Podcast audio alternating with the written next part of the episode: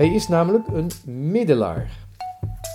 Hij is een middelaar tussen God en mens. En als een mens denkt geen middelaar nodig te hebben, kan hij dus ook nooit de priester als zodanig erkennen.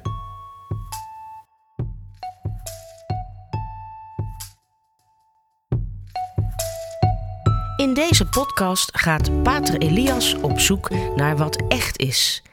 Hij gaat de uitdaging aan om een zo helder mogelijk beeld te vormen van hoe de wereld in elkaar steekt. Dit is de Pater Podcast. De afgelopen dagen werd ik getroffen door het nieuws dat de zoveelste jonge priester wil uittreden na enkele jaren, zeer dienstbaar en zeer verdienstelijk, als priester te hebben gefunctioneerd. Het is de derde priester binnen korte, korte tijd in het bisdom Rotterdam. En hoewel ik niet wil stilstaan bij dit individuele geval, lijkt me toch goed om eens even stil te staan bij wat dat betekent. Er zijn al zoveel, zo weinig roepingen uh, tot het priesterschap, het vooral diocesaan, bisschoppelijk priesterschap in de kerk in Nederland. En als er dan ook nog jonge, veelbelovende priesters uittreden, is dat uiteraard een hele zware klap voor de gelovigen en met name voor de bisschoppen die leiding moeten geven aan de priesters. En ze moeten, ze moeten steunen in het vervullen van hun dienstwerk, in het beantwoorden aan hun roeping. Wat de oorzaak daarvan is voor ieder geval, daar wil ik niet bij stilstaan. Het is wel belangrijk om eens even stil te staan bij wat een priester werkelijk is. In de verklaring van de bisschop, waarin de, de, de uittreding van deze priester wordt uh, aangekondigd, daar valt het woord werk als priester en dienstwerk als priester. En dat klopt, daar is niks mis mee. De vraag echter die ik wil stellen is het niet veel meer dan een dienstwerk? En wat voor dienstwerk is het dan werkelijk? En wie wordt er gediend? Uiteindelijk zal alleen dat wezenlijke aspect van het priesterschap motivering kunnen opwekken en versterken. Het bewustzijn kan alleen het bewustzijn dat het priesterschap een roeping is, kan alleen worden versterkt door te vertellen wie degene is die roept. Niet degene wie geroepen wordt, maar degene die roept. Christus. Wat verwacht hij van de priesters? Ik denk dat uiteindelijk het heel erg belangrijk is om te zien dat het woord pastoraal, pastorale dienstbaarheid, niet helemaal hetzelfde betekent als zielzorg. Dienstwerk aan de zielen. Een priester oefent een bepaalde autoriteit uit. Hij is een autoriteit. Maar hij kan die autoriteit alleen maar uitoefenen als die autoriteit ook erkend wordt. Als de mensen beseffen wat ze niet zelf kunnen en waarvoor ze de priester nodig hebben. Het is heel triest om te zien dat vele diocesane priesters die van goede wil zijn, een sterk geloof hebben en echt willen dienen, dat die toch helemaal worden ingesneeuwd door een plaatselijke of regionale bureaucratie van de kerk, waarin hun autoriteit helemaal niet erkend wordt. Vaak zijn priesters een soort van ambtenaren, sacramentenboeren, die moeten doen wat er door het parochiebestuur wordt beslist. En zeker moeten ze meegaan met wat pastorale werkers en eventueel ook diakens ervan vinden. Helaas wordt de autoriteit van een priester ontkend of wordt gezien als een politieke macht die moet worden tegengegaan. Terwijl de autoriteit van een diocesaan priester in zijn parochie wel degelijk bestuurlijke kanten heeft, ook al zijn die ondergeschikt aan de sacramentele aspecten van zijn priesterschap. Hij is namelijk een middelaar. Hij is een middelaar tussen God en mens. En als een mens denkt geen middelaar nodig te hebben, kan hij dus ook nooit de priester als zodanig erkennen. En als de mens meent dat de kerk als instituut een democratie is en niet een structuur die ten dienste staat van de sacramenten, dan kan een priester of een bisschop of wie dan ook die gewijd is, nooit op een goede manier zijn autoriteit uitoefenen. Dat is eigenlijk het vaderlijke aspect van de autoriteit. Je kunt alleen maar vader zijn als je als vader erkend wordt. Door zowel de moeder als door het kind. Een moeder heeft wat dat betreft geen autoriteit die erkend moet worden. Die is er gewoon. Een moeder is een moeder en door de biologische en lichamelijke verbondenheid met haar kind, dat notabene delen heeft uitgemaakt van haar lichaam, door die autoriteit als moeder een biologische eenheid, een zeer intieme, um, affectieve uh, eenheid, hoeft die autoriteit van moeder ook eigenlijk niet erkend te worden, niet gekozen te worden. Ze is er van nature gewoon. Iedere mens heeft een hele bijzondere binding gehad met de moeder. Of zou je kunnen zeggen, zo niet, heeft die binding wel nodig gehad. Maar de vaderlijke autoriteit moet gekozen worden. Net zo goed als een vader een verwekt kind echt moet kiezen. De keuze van de moeder is makkelijker. Ze is dichter bij het kind. Het vervult haar vrouwelijkheid op een hele intieme, bijzondere en integrale manier. Maar voor pa, die maar één heftig moment bij het ontstaan van het kind betrokken is geweest, is die keuze heel erg prominent aanwezig. En die keuze moet hij ook maken tijdens de zwangerschap, maar hij moet die definitief maken op het moment dat het kind geboren wordt. En daarom is hij ook op een hele speciale manier betrokken bij de vorming van het kind dat vroeg of laat op eigen benen moet staan en zijn eigen keuzes moet maken.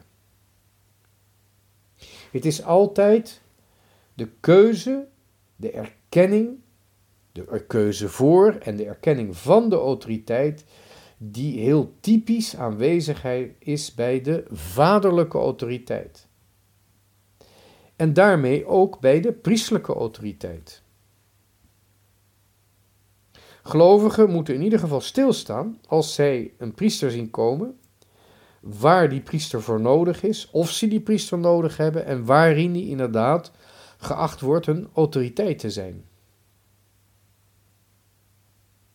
Niets is zo demotiverend voor een jonge priester om in een parochie te komen waar iedereen graag zijn eigen mening als belangste wil beschouwen, als belangrijkste wil beschouwen, en binnen de parochie zijn eigen koninkrijkje heeft. Of het nou de kaarsen zijn, of de iconen, of de sacristie.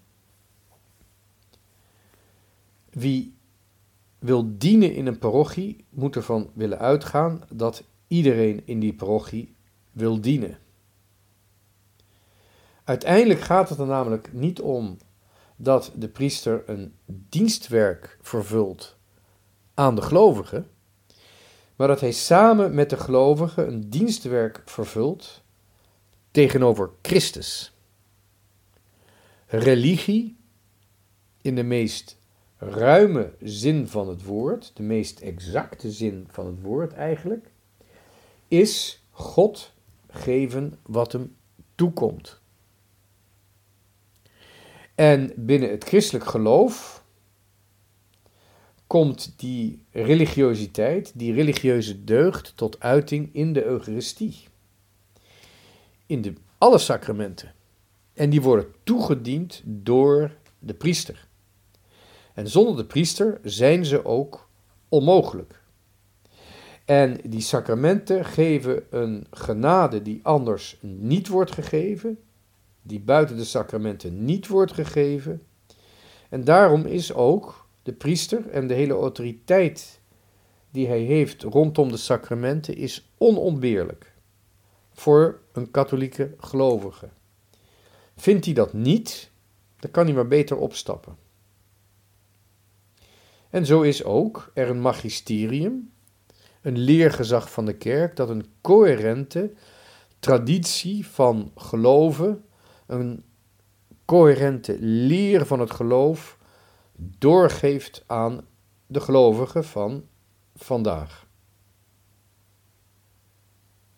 Zoals Augustinus het zei, de gelovigen gaan niet met de tijd mee.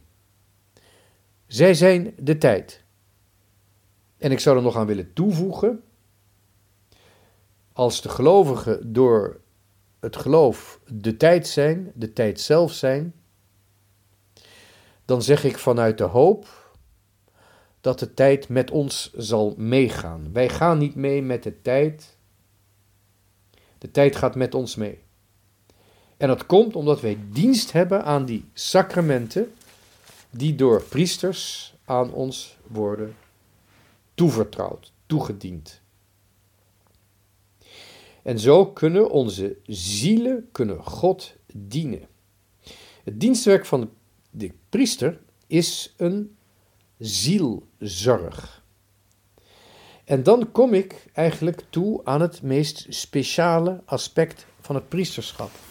En misschien zelfs wel het enige aspect van het priesterschap dat het celibaat rechtvaardigt.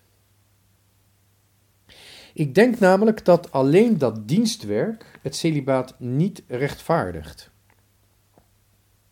En zeker in onze tijd denk ik dat het in de parochies niet leefbaar is.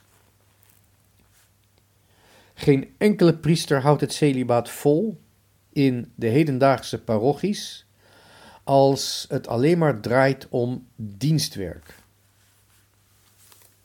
Want voordat je kunt dienen als autoriteit, moet je niet alleen lief hebben, niet alleen willen dienen, maar moet je zien. Je moet zien wat anderen nog niet zien. Je kunt als autoriteit alleen maar mensen dienen die gediend willen worden. Die beseffen dat ze je nodig hebben. Maar een priester moet ook de zielen zien, de mensen zien, die nog niet beseffen dat ze hem nodig hebben.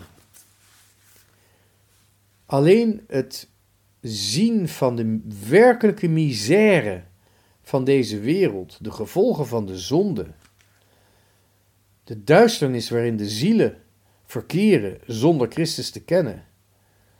Alleen dat zien rechtvaardigt het celibaat. Voor het zien heb je tijd nodig. Voor het zien heb je gebed nodig. Moet je God aanbidden. Moet je de tijd nemen om te studeren. En alleen in het zien besef je dat je om te zien een zeker martelaarschap nodig hebt. En dat martelaarschap, dat krijgt vorm in het priestelijk leven en in het religieuze leven krijgt vorm in het celibaat.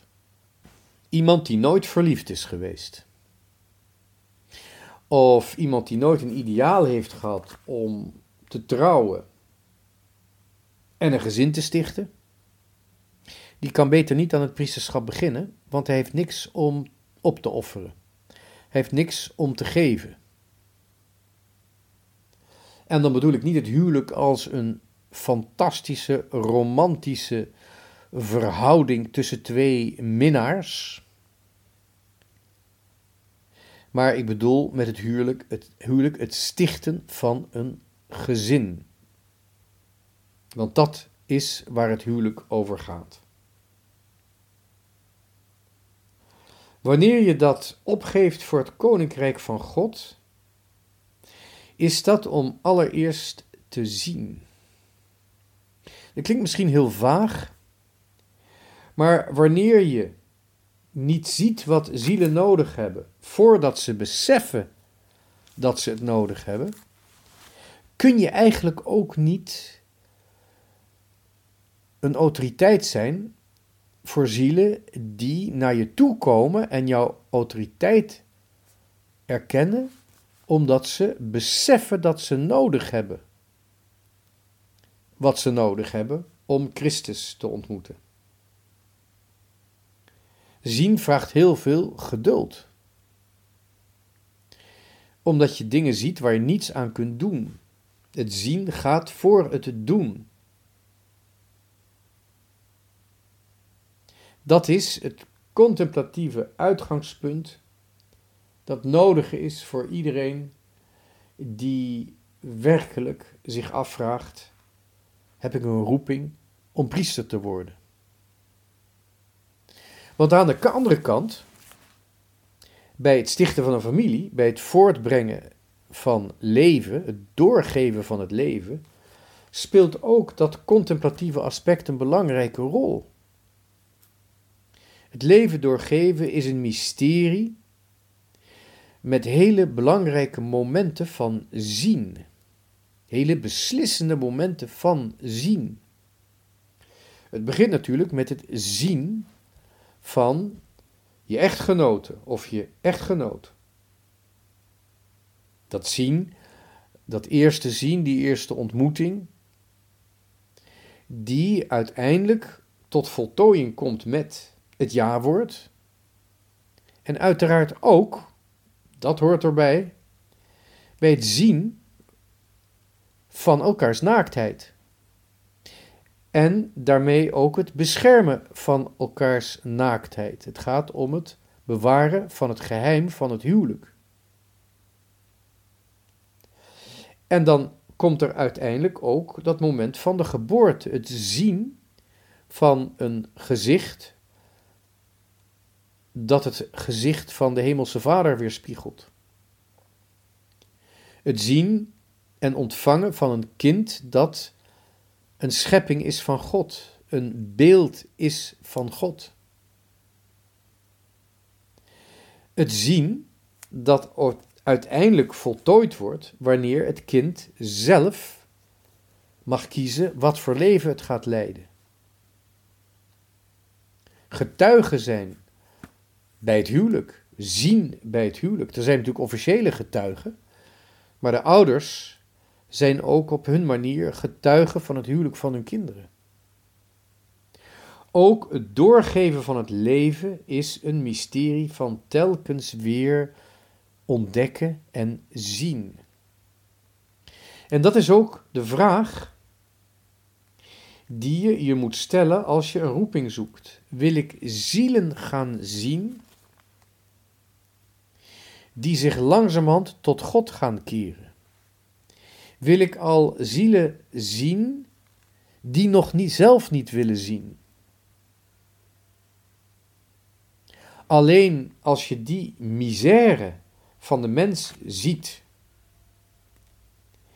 die bang is voor God, of God afwijst, omdat hij nog niet wil zien, alleen dan als je die werkelijke misère en alle gevolgen die het met zich meebrengt kunt zien, en beseffen wat voor middelaar de mens nodig heeft, pas dan kun je ook werkelijk kiezen om die middelaar te zijn, omdat God je daartoe roept.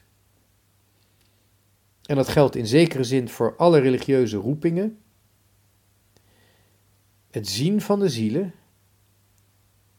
en het vooruitzien naar de wederkomst van Christus is het enige dat het celibaat kan rechtvaardigen. En bij een priester vanwege de sacramenten krijgt dat op een hele speciale manier vorm. Het is heel verdrietig dat jonge priesters uittreden. Ik ga ervan uit dat daar goede redenen voor zijn. Het is nog veel verdrietiger dat zoveel priesters die blijven niet worden erkend als middelaar, als noodzakelijke middelaar tussen Christus en de ziel. En ik denk dat in onze tijd we er alles aan moeten doen dat dat mysterie van ons geloof weer herkend wordt, erkend wordt, bevestigd wordt. En ook de plaats krijgt die Christus het geeft, zodat de kerk weer kan groeien, het geloof weer bevestigd en verlicht en gevormd kan worden en de zielen weer Christus kunnen terugvinden. Bedankt voor het luisteren. Dit was de Radio Maria Pater Podcast met Pater Elias. Deze podcast is online terug te luisteren via de website van Radio Maria en andere podcastplatforms.